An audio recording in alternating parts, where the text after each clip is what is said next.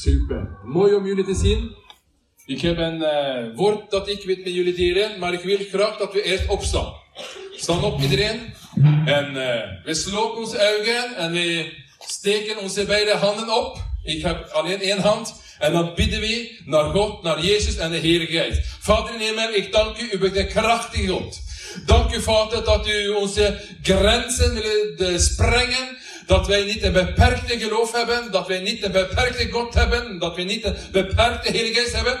Maar dat wij hebben een onbeperkte geloof. Een onbeperkte God in ons leven. Dank u, Vader, voor iedereen hier is. En dank u dat uw woord zal openbaard zijn voor de mensen. Zodat meenemen en groeien op en in het woord. In uw naam. Amen. En iedereen zegt Amen. Amen. Super, dan kunt u aan de buur of buurvrouw hallo zeggen. Uh, omhelzen kiezen als dat uw vrouw is, of dat is in uw, in uw, in uw gehoed of in uw groep zijn. En uh, ja, u mag kiezen, dank u, super. Eén uh, koppel heeft dat begrepen. Dat is super. Dan kunt u de stoel zitten, of in, en dan gaan we in het woord. Ik wil met jullie een, een woord delen in de handelingen, uh, hoofdstuk 4. En mijn thema vandaag is vier principes in een kerk. Vier principes in een kerk.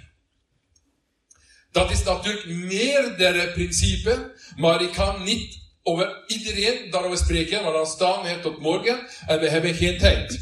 Omdat Francine wil graag thuis gaan om zijn middageten, dat is heel belangrijk voor haar. Uh, maar zo is het. Vier principes in de kerk. En wij beginnen in uh, Handelingen 4, vers 42 te lezen.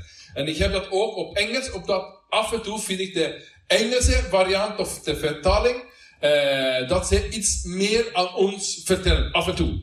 Maar wij beginnen in de naam van Jezus te lezen. En zij volharden in de leer van de apostelen en in de gemeenschap, in het breken van het brood en in het gebed. Vier dingen. De leer, de gemeenschap, uh, van het brood of avondmaal of eten en gebed. Vier dingen. En in, op Engels lezen wij.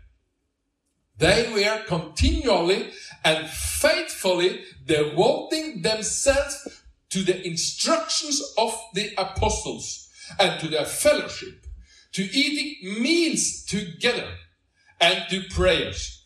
Daar lezen wij iets anders, maar hetzelfde betekenissen, hetzelfde openbaring, maar de Engelse vertaling vertellen iets meer. Dat ze waren ständig of altijd bezig en, um, en uh, faithful, dat is um, trouw eh, en um, hunzelf in de instructie van de apostels. Dat was niet alleen om te horen, om alleen, om te luisteren, maar dat waren, wij geven ons in om te luisteren. Wij geven ons moeite, wij, wij, wij doen ons beste om te luisteren en te begrijpen, vragen daarover te stellen en zelf daarover te doen, wat we hebben gehoord. Dat is wat de Bijbel Heer ons tellen, vertellen. We hebben verschillende kerken in de wereld. Ik heb geen idee hoeveel, maar dat is heel veel kerken.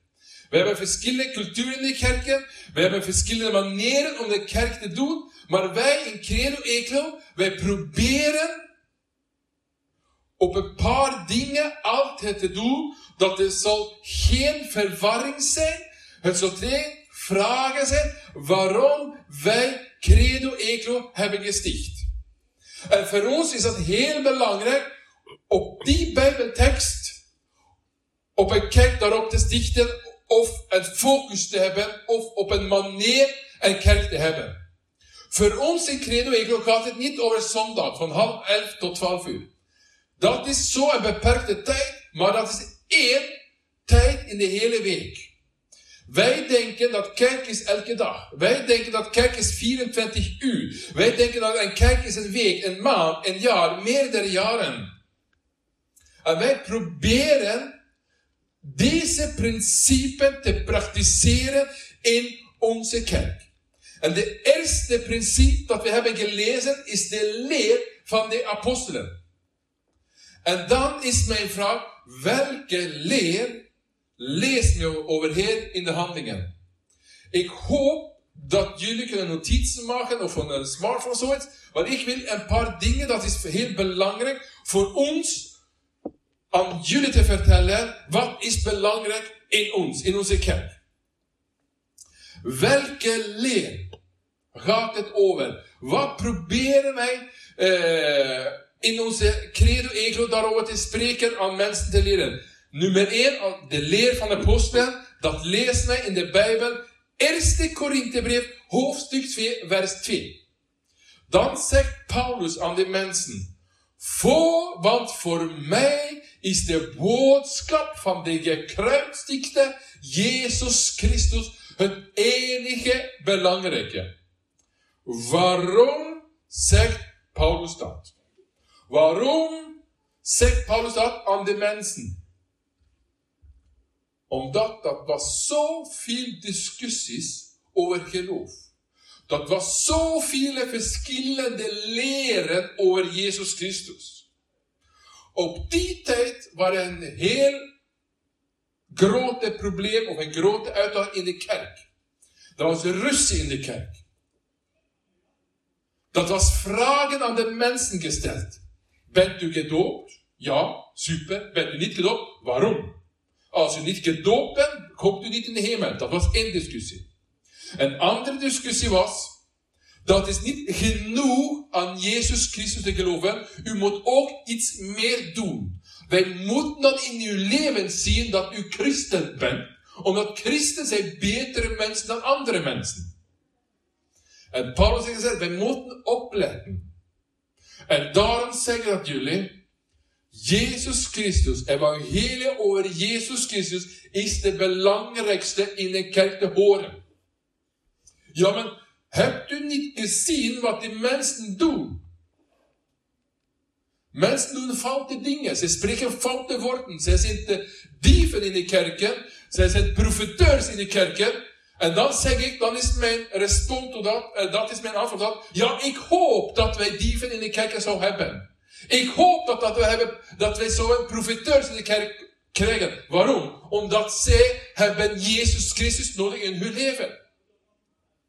Maar er kwamen vragen in de kerk van Paulus. Ze hebben gezegd, dat is niet genoeg geloof, dat is niet genoeg te zeggen, ik geloof in Jezus. Wij moeten ook een paar regels volgen, dat wij zeker zijn om gered te zijn voor God. We kunnen veel over dat in, het Nieuwe Testament lezen, die grote discussie over regels en Jezus, en dan samen, op het einde zijn we gered. Eh, Paulus sagte inni Bibelen ikke alle regelske skal. Ikke vet alle regels over Det ålde testament. Men Jesus har alle regels fått fulgt an. Vi satt just. Ja. Jezus Christus heeft alle regels voldaan. En als wij in Jezus Christus geloven, zijn wij gered voor God. Wij zijn genoeg voor God. Wij zijn geaccepteerd voor God. Dat is de genade, de liefde van God. Hij zegt, ik neem alles problemen van u in mijn leven, dat u zo geen meer problemen dragen. Ik neem uw uh, problemen en u krijgt mijn genade terug. Dat was zo een groot probleem in de tijd van Paulus in de kerk. En daarom heeft Paulus gezegd, wij willen een principe in onze kerk hebben. En dat we staan op de grond van Jezus Christus. Dat is het fundament in de kerk. Dat alleen door Jezus Christus zullen wij gered zijn. En deze discussie willen wij ook in Credo Ecro niet hebben. Wie is gered? Wie is goed genoeg voor God? Ja, wij voelen ons niet goed genoeg. Dat zegt Paulus. Wij voelen ons niet, wij geloven in God. En dat is een heel sterke en belangrijke principe in een kerk te hebben. Ja, ik voel dat God ver is. Ja, maar de Bijbel zegt totaal tegen u. Excuseer. U heeft fout. De Bijbel zegt, wij geloven niet door gevoel. Wij geloven door een wonder. Wij geloven door een grote mirakel. En de grootste mirakel in de wereld is dat God zelf is op aarde door een mens gekomen, namelijk Jezus Christus. En door Jezus Christus heeft hij de weg getoond. Hoe kunnen wij gered zijn? Hoe kunnen wij genoeg zijn? Hoe kunnen wij accepteerd zijn voor God? Dat wij zeggen, ik geloof wat Jezus heeft gedaan. Hij was overleden. Hij was drie dagen in graf. Hij is opgestaan. En door mijn geloof op je, in Jezus Christus ben ik gered. Niets meer hoe, hoeven wij te doen. Ja, maar ik, maar, maar, maar ik ga in een kerk. Een kerk heeft niets te doen met uw geloof. Een kerk is alleen mensen samenkomen om God te eren. Als u uw geloof op credo zal bouwen, gaat u fout. Als u uw geloof op mijn woord bouwen, gaat u fout. Maar als u iets hoort in Credo Eclo en u neemt dat mee als een inspiratie en een hulp en leiding in uw geloof, dat is iets anders. Dan neemt u dat bij. En daarom hebben wij kerk. Om het woord van verschillende mensen te horen, geïnspireerd zijn, iets mee te nemen in onze dagelijkse week, dagelijkse dag, met God op te bouwen. Maar ik vond het zo fantastisch wat we hebben gehoord vandaag met de twee getuigenissen van Shanne en Francine. Francine, ja. Dat was het fundament van het woord. Woord van God, de Bijbel. Ik heb begonnen de Bijbel op, uh, op uh, te zoeken, Bijbelversen gevonden. En dat is wat wij zullen doen. En dat is precies wat wij naar handelingen lezen. De leer van de apostel was de leer van Jezus Christus. Dat was geen filosofie. Dat was geen menselijke overtuiging. Dat was alleen wat de kracht in Jezus Christus is. Dat is een van de principes in een kerk, hoe belangrijk het is dat begrijpen.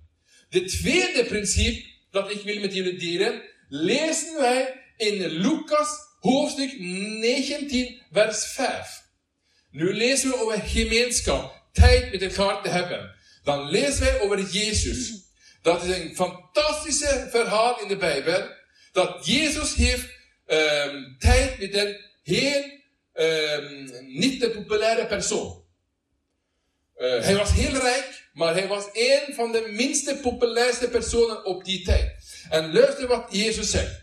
Toen, zij, toen Jezus bij de boom kwam, keek hij omhoog en zei tegen Zacchaeus. Zacchaeus, kom vlug naar beneden, want ik moet vandaag bij je op bezoek komen. De tweede principe in een kerk, wat is belangrijk volgens mijn opinie, wat ik heb in de Bijbel gezien, is dat we hebben tijd met elkaar. Dat we gaan op bezoek met elkaar. Dat wij, uh, dat wij koffietje drinken met elkaar. Ik heb begrepen dat in België is het heel wat koffietje met elkaar te, te drinken. In Noorwegen drink ik nooit koffietje met iemand. Ik drink veel met iemand. Maar hier in België, kom maar en wij drinken koffietje. Zo'n kleine, zo 2 centiliter koffietje. Dat zeggen mensen, kom, zullen wij iets water, een met elkaar drinken? Of zullen wij een drinken? In mijn leven bestaat dat niet. In mijn drinken we veel koffietje, koffie of veel cola zero, of we eten veel. We eten niet een kleine snackje, of we eten niet een kleine middagje, of we eten niet een kleine avondmatje, maar we eten veel met elkaar. Maar ik hoor dat heel wat. Kom, nu eten wij, of we drinken iets, of dan komt het tje, tje, tje op de einde. Maar, en dat is een heel belangrijke principe in een kerk. En we lezen dat ook in onze, onze um, informatieblad. We kunnen dat op de internet vinden, op Facebook vinden. Dat wij, wij zeggen in onze droom, visie, strategie, dat zeggen wij. Wij gaan niet alleen naar een kerk. We zijn de kerk. Want kerk is God plus mensen. Niet, niet mensen, mensen, maar mensen. En dat is heel belangrijk te, te, te, te begrijpen, deze principe. Als we het Nieuwe Testament lezen, In de elke van de vier evangeliën leest mij dat mensen waren heel dikwijls met elkaar. Heel wat. Ze aten veel samen. Ze baten veel samen. Ze hebben uh, ge, uh, samen gezongen. Ze waren samen. Wat lezen wij in de Bijbel? Wij lezen dat die mensen was altijd bereid om een hand te geven, een hand uit te strekken. Wij lezen in de Bijbel dat de mensen waren heel gasvrij. Dat was, ik weet niet hoe de cultuur hier is, maar in Noorwegen, in de westelijke cultuur, moet alles gepland zijn. Als u op de doorbelt en de mensen in het huis is niet bereid, dan worden ze een beetje gestresseerd. Ik weet of jullie hebben dat gemerkt, ik merk dat heel wat. Waarom? Ik ben niet zo goed plannen. En, het is een beetje chaos bij mij. Als mijn vrouw wil iets plannen, dan wordt er altijd een, een crisis in onze huis. Omdat ik zeg, eh, mijn vrouw zegt altijd, zondagavond, Jonny, nu moeten we de volgende week plannen. Ja, gaat alles in orde, zeg ik. Gaat alles in orde. Dan plots zien wij, mijn vrouw moet naar het tandarts om tien uur gaan maandag. Johnny moet om tien uur naar Gent gaan. En Elliot moet ook eten om tien uur. En uh, Evelina moet uh, luiwes verwessen om tien uur. Dat gaat niet. En dan zeg ik, alles komt in orde, zeg ik. En ik in Noorwegen, in, in de kant waar mijn vrouw woont, daar moet alles gepland zijn. Als we bijvoorbeeld mijn schoonouders bellen in de maaltijd, en dat was niet gepland, dan komt mijn schoonvader, hij opent de deur. Dan kijkt hij oh, ik moet nu eten. En dan zeg ik, ik kom binnen. Nee, dat doe je niet, zegt hij. en hij wordt heel gestresseerd. Ik niet. Als je in een andere groep gaat, in Zuid-Italië bijvoorbeeld, dan hebben ze geen tijd. En als ze eten in Italië, dat betekent 4, 5, 6 uur aan de tafel zitten. En ik heb geen geduld voor dat. Ik weet het hier in Vlaanderen, maar in Duitsland hebben wij een kerk opgebouwd, gesticht. En in onze kerk was het meer dan 35 Italiaanse mensen uit Zuid-Italië. Vier voordelen, maar ook een paar nadelen. De nadelen, zij zijn heel gevoelig en heel streng. De voordelen, zij nemen alles mee. Geen tijd. Dus ze zeggen, kom bij ons eten. En ik heb gedacht, in Noorse tijd, in Noorse cultuur, een kleine uurtje. In Italiaanse cultuur, vijf uurtje. En luister wat zij aan mij elke zondag heeft gegeven. Luister. Ze beginnen met lasagne. Een grote portie lasagne. Dan komt pasta bolognese. En daarna, nadien komt vlees. Een grote stuk biefstuk. En nadien komt salade. En nadien komt tiramisu. En u kijkt, mijn buik en groot voor elke week in de kerkstichting. Maar in Noorwegen, als wij u ontnodigen, uh, bij ons eten, dan krijgt u één bord en op de bord is alles. Punt. Heel gemakkelijk. Wil je dat eten? Super. Wil dat niet eten? Dat is uw fout, niet mij. Dat is in Noorwegen. En een bord is er groenten, uh, aardappelen, soos en vlees. Punt. En dan water. Heel gemakkelijk. En dan kunt u op een tien minuutjes. Kies klaar. Kunt u verder gaan naar het nächste huis. Maar het belangrijkste is hier in de Bijbel gemeenschap. Tijd met elkaar. Elkaar bemoedigen. Als we over Jezus lezen, lezen heel vaak dat hij aan de tafel zat. Wij hebben connectgroepen. Nu was corona, corona is bijna voorbij, of ze spreken over derde en vierde golven. Ja, maakt niet uit. Wat wij proberen onze connectgroepen te hebben, is een fantastische sfeer. Iets te eten, iets te drinken, zoiets. Elkaar bemoedigen. Luisteren elkaar. Dat we het leven met elkaar delen. En dat we voor elkaar bidden. En dat we zien dat het woord van God werkt in uw leven. Wat is er voor ons in Credo een belangrijke principe is gastvrij te zijn en vrijgevig te zijn. Dat is heel belangrijk dat wij vrijgevig, vrijgevig zijn. Wat betekent dat? Dat wij met mensen spreken die niet, misschien niet zo positief over ons spreken. Waarom? Wij willen tonen de genade, de liefde van Jezus. Dat iedereen is geaccepteerd. Dat iedereen foutjes doet, maar dan spreken we niet zoveel over. Maar we zeggen, kom maar. Nee, ik kom niet wel, omdat die persoon bla bla bla bla.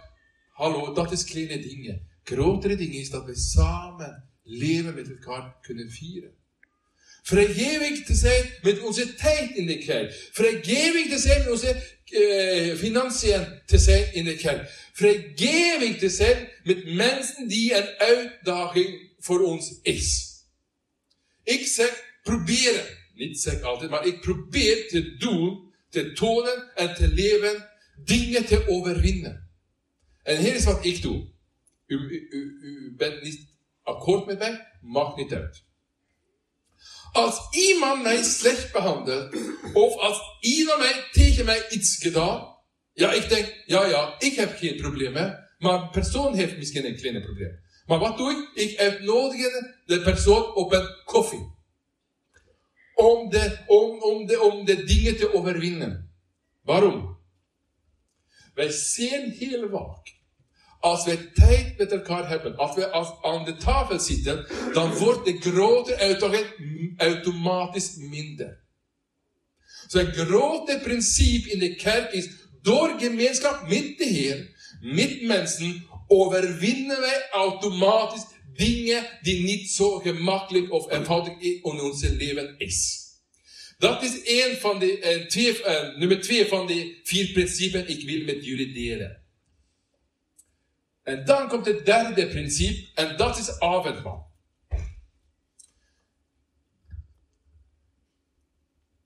In Duitsland kwam een vraag aan ons in de leiderschap. Wie mag avondmaal nemen? En wie mag avondmaal niet nemen? Kwam een vraag. En niet alleen in Duitsland, maar ik heb dat ook ervaren in België, ook ervaren in andere landen. En daarom wil ik met jullie dat delen. Avondmaal is belangrijk. Waarom? Dat gaat over de kracht van Jezus Christus. Dat gaat over Gods kracht. Dat gaat over het bloed. Welke kracht wij in het bloed van Jezus hebben. Wat hij heeft voor ons gedaan. De veranderingen. Eh, de um, opgestane leven. Bevrijding en genezingen. Maar het gaat over, ook over veel andere dingen. En we kunnen dat lezen in de Bijbel. Hoe heeft Jezus avondmaal praktiseerd? En we lezen in Matthäus hoofdstuk 26, uh, hoofdstuk 26, vers 26 tot 28. Toen zij aan het eten waren, nam Jezus een brood, hij zegende het, brak het in stukken en gaf het aan zijn leerlingen. Hij zei, neem dit en eet het, het is mijn lichaam. Toen nam hij de beker met wijn. Hij dankte God ervoor en gaf hem aan de leerlingen. Hij zei, drink hier allemaal van. Deze wijn is mijn bloed waarmee God en nu verbond sluit met de mensen. Mijn bloed wordt uitgegoten om de mensen te kunnen vergeven dat ze ongehoorzaam zijn aan God. Allemaal een nieuwe bond, vergeving, een nieuwe start in het leven, een nieuw begin met God. Fantastisch. Maar hoe heeft Jezus dat praktiseerd? Welche Prinzipien hat Jesus mit Abendmahl? Das, was es fehlt hos mensen. Sie waren all an Hött Eden. Sie waren all mit Gemeinschaft mit Menschen. Und welche Menschen satt an der Tafel? Normale Menschen, Faten heeft gedaan, schlechte Dinge heeft gedaan, äh, eh, tegen Gott heeft gesproken. Wir können äh, eh, in ein paar Verse fertig lesen. Sie haben Gott geehrt, ze hebben God gedankt, dat was een krachtig moment, maar nadien heeft Peter gezegd, nee, ik geloof niet in Jezus. Jezus wist dat. Toch hebben ze avondmaal gevierd. Wie mag avondmaal vieren? Voor mij, iedereen die dat wil. Iedereen die dat wil in Jezus Christus geloven, punt.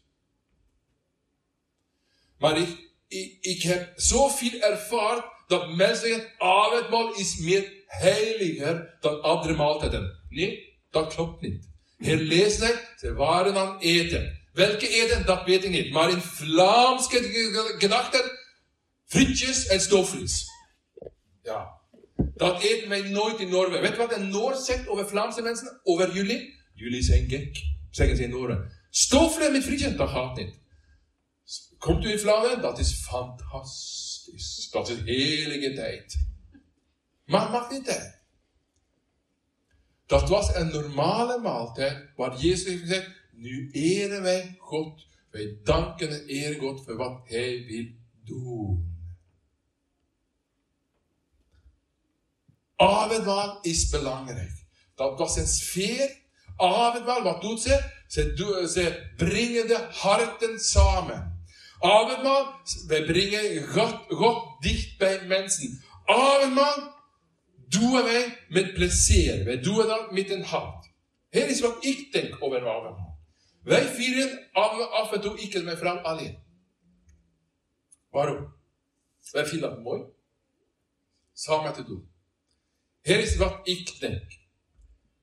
Nu staat niet mijn vrouw hier, zij staat bezig, maar ik zeg, Mirjam, hier is het bloed, hier is het lichaam van Jezus. Ik ben zelf vergeven. En daarom geef ik dat verder aan u om vergeving te ervaren van God en Jezus Christus. Zo denk ik. Ik ben niet perfect. Ik heb foute dingen, maar ik geef dat verder in een beeld dat u zou mij vergeven. Ik breek, ik dat brood. Wat betekent dat voor mij? Ik, uh, I humble myself. Hoe zeggen we dat op Nederlands?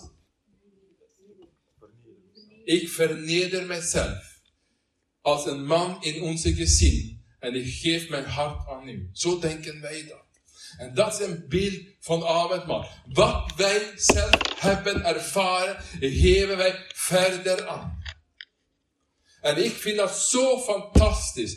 Dat Jezus Christus in het midden van mensen zeggen, dat is een nieuwe verbond met God en Jezus voor ons, Heer.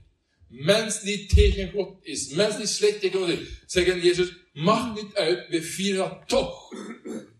En dat is een van de principes dat is heel belangrijk in een kerk, is dat wij nemen Jezus Christus aan elke persoon. Wij doen ons best aan elke persoon aan de tafel te komen, omdat een tafel is altijd bedekt, altijd klaar.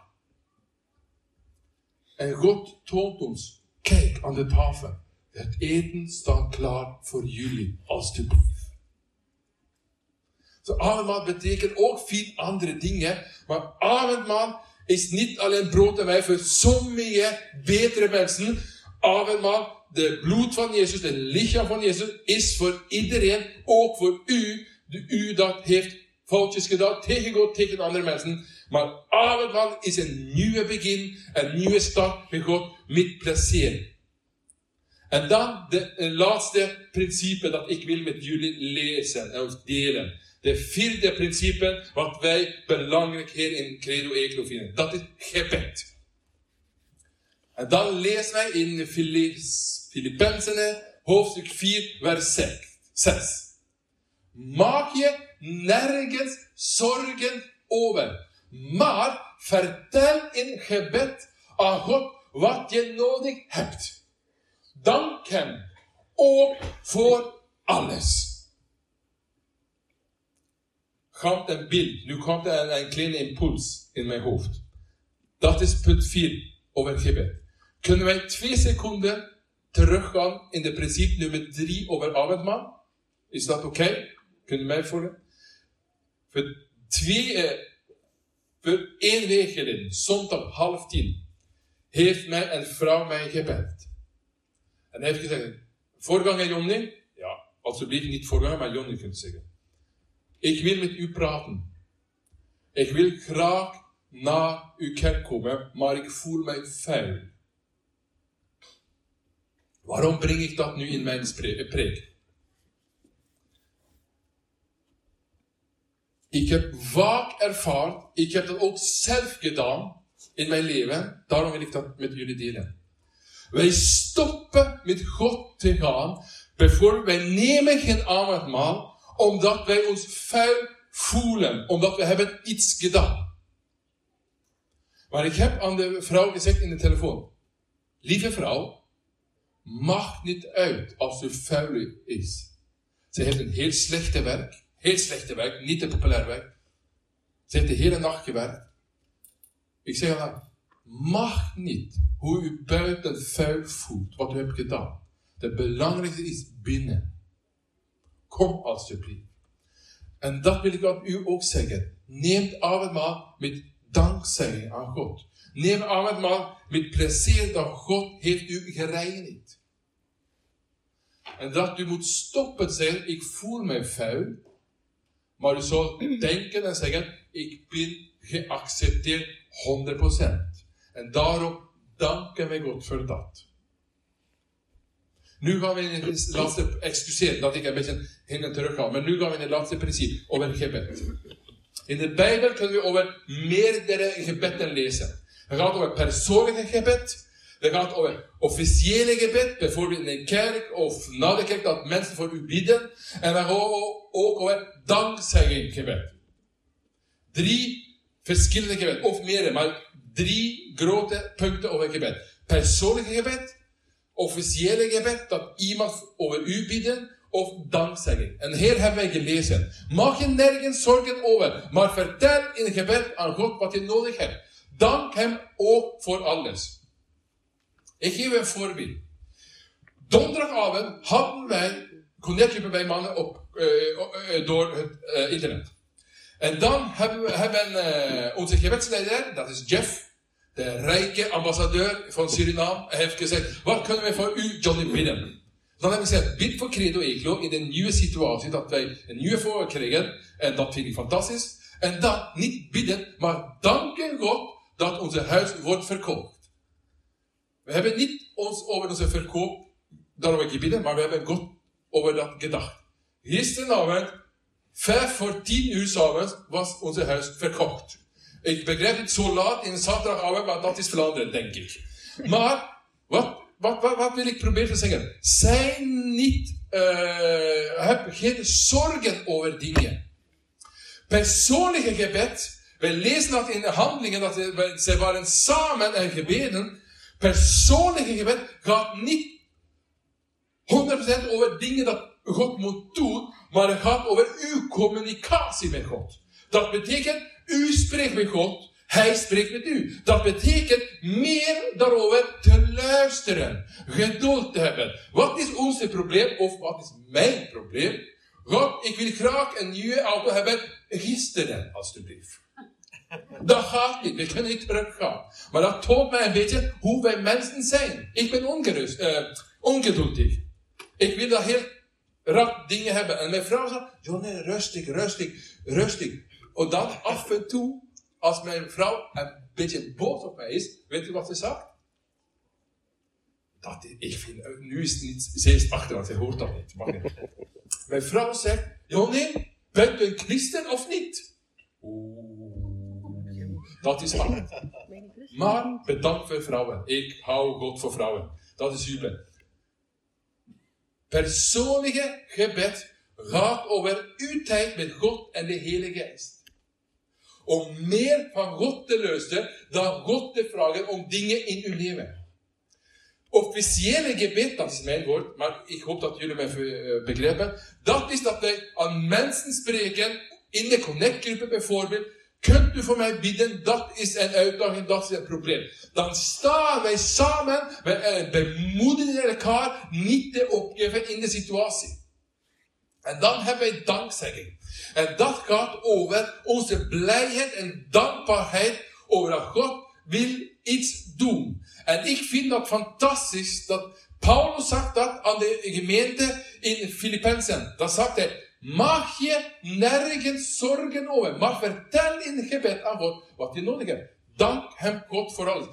Dank hem voor alles betekent ook dank God als het slecht met u gaat. Nou, maar dat gaat niet toch. De Bijbel zegt dat. Ik niet. De Bijbel zegt dat. Ja, maar mijn vrouw is zo moeilijk. Dank God dat uw vrouw is moeilijk is. Nee, maar dat klopt niet. Wat staat het hier? Dank hem ook voor alles. Wat betekent dat? Als u vindt dat uw vrouw moeilijk is. Misschien hebt u een probleem dat uw vrouw moeilijk wordt. Begrijpen jullie mij? Wat ik, dat gaat niet altijd over God en alle anderen. Dat gaat ook misschien over u. En daarom leest mij in de Bijbel, spreek met God wat u nodig hebt. En dank hem ook voor alles. Ik probeer altijd, niet gemakkelijk, en ik zeg, een christelijk leven is niet gemakkelijk, maar is het fantastisch, krachtvol. Ik dank God, dank u voor de oplossing dat ik nog niet zie. Dank u voor de wonder dat ik niet heb nog ervaren, maar ik wil dat in de toekomst ervaren.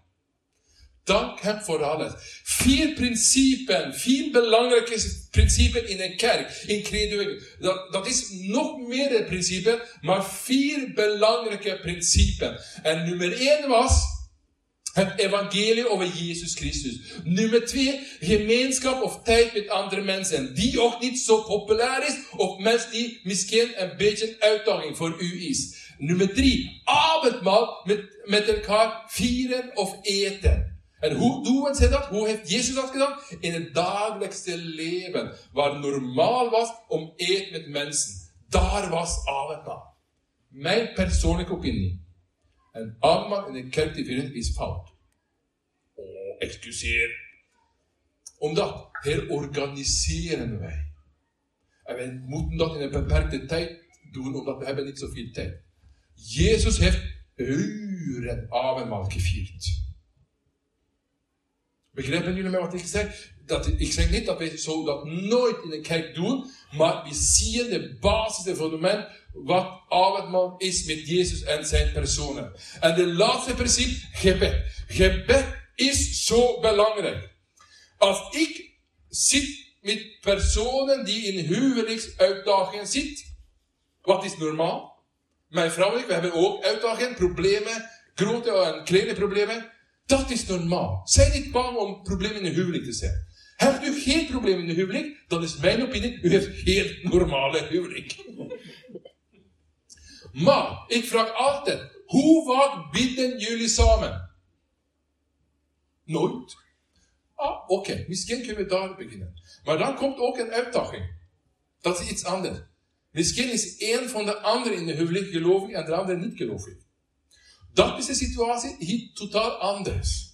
Dan kunnen wij in de Bijbel vinden de krachtige gebed van de persoon die gelovig is in de huwelijk, hoe dat werkt. En plots één dag willen ze samenkomen in gebed. Omdat, wat staat het op Nederlands? Een gerechtige is, gebed is krachtig. Zo staat het op Nederlands. Ja, ik begrijp, ik kan het niet 100% vertellen. Um, dat staat in de Bijbel. Een gerechtige persoon, of andere woorden, een gelovige persoons gebed is krachtvol. Zo, in huwelijk, als we problemen in huwelijk, ik vraag altijd, bidden jullie samen? Nee. Oké. Ja, maar dat is moeilijk, voor Ja, waarom? Om de duivel willen jullie weg van de kracht nemen. Dat is de reden, punt. En dat, jullie, willen dat, jullie willen dat zien, of mensen willen dat zien, als ze samen komen te bidden, dan wordt het een andere sfeer. Iets willen beginnen zich te bewegen in de huwelijk. Positief of negatief. Ik heb ook ervaren, als mensen in een huwelijk bidden, dan wordt de andere meer boos. Dan komt een manifestatie. Maar heb geduld, heb geen angst.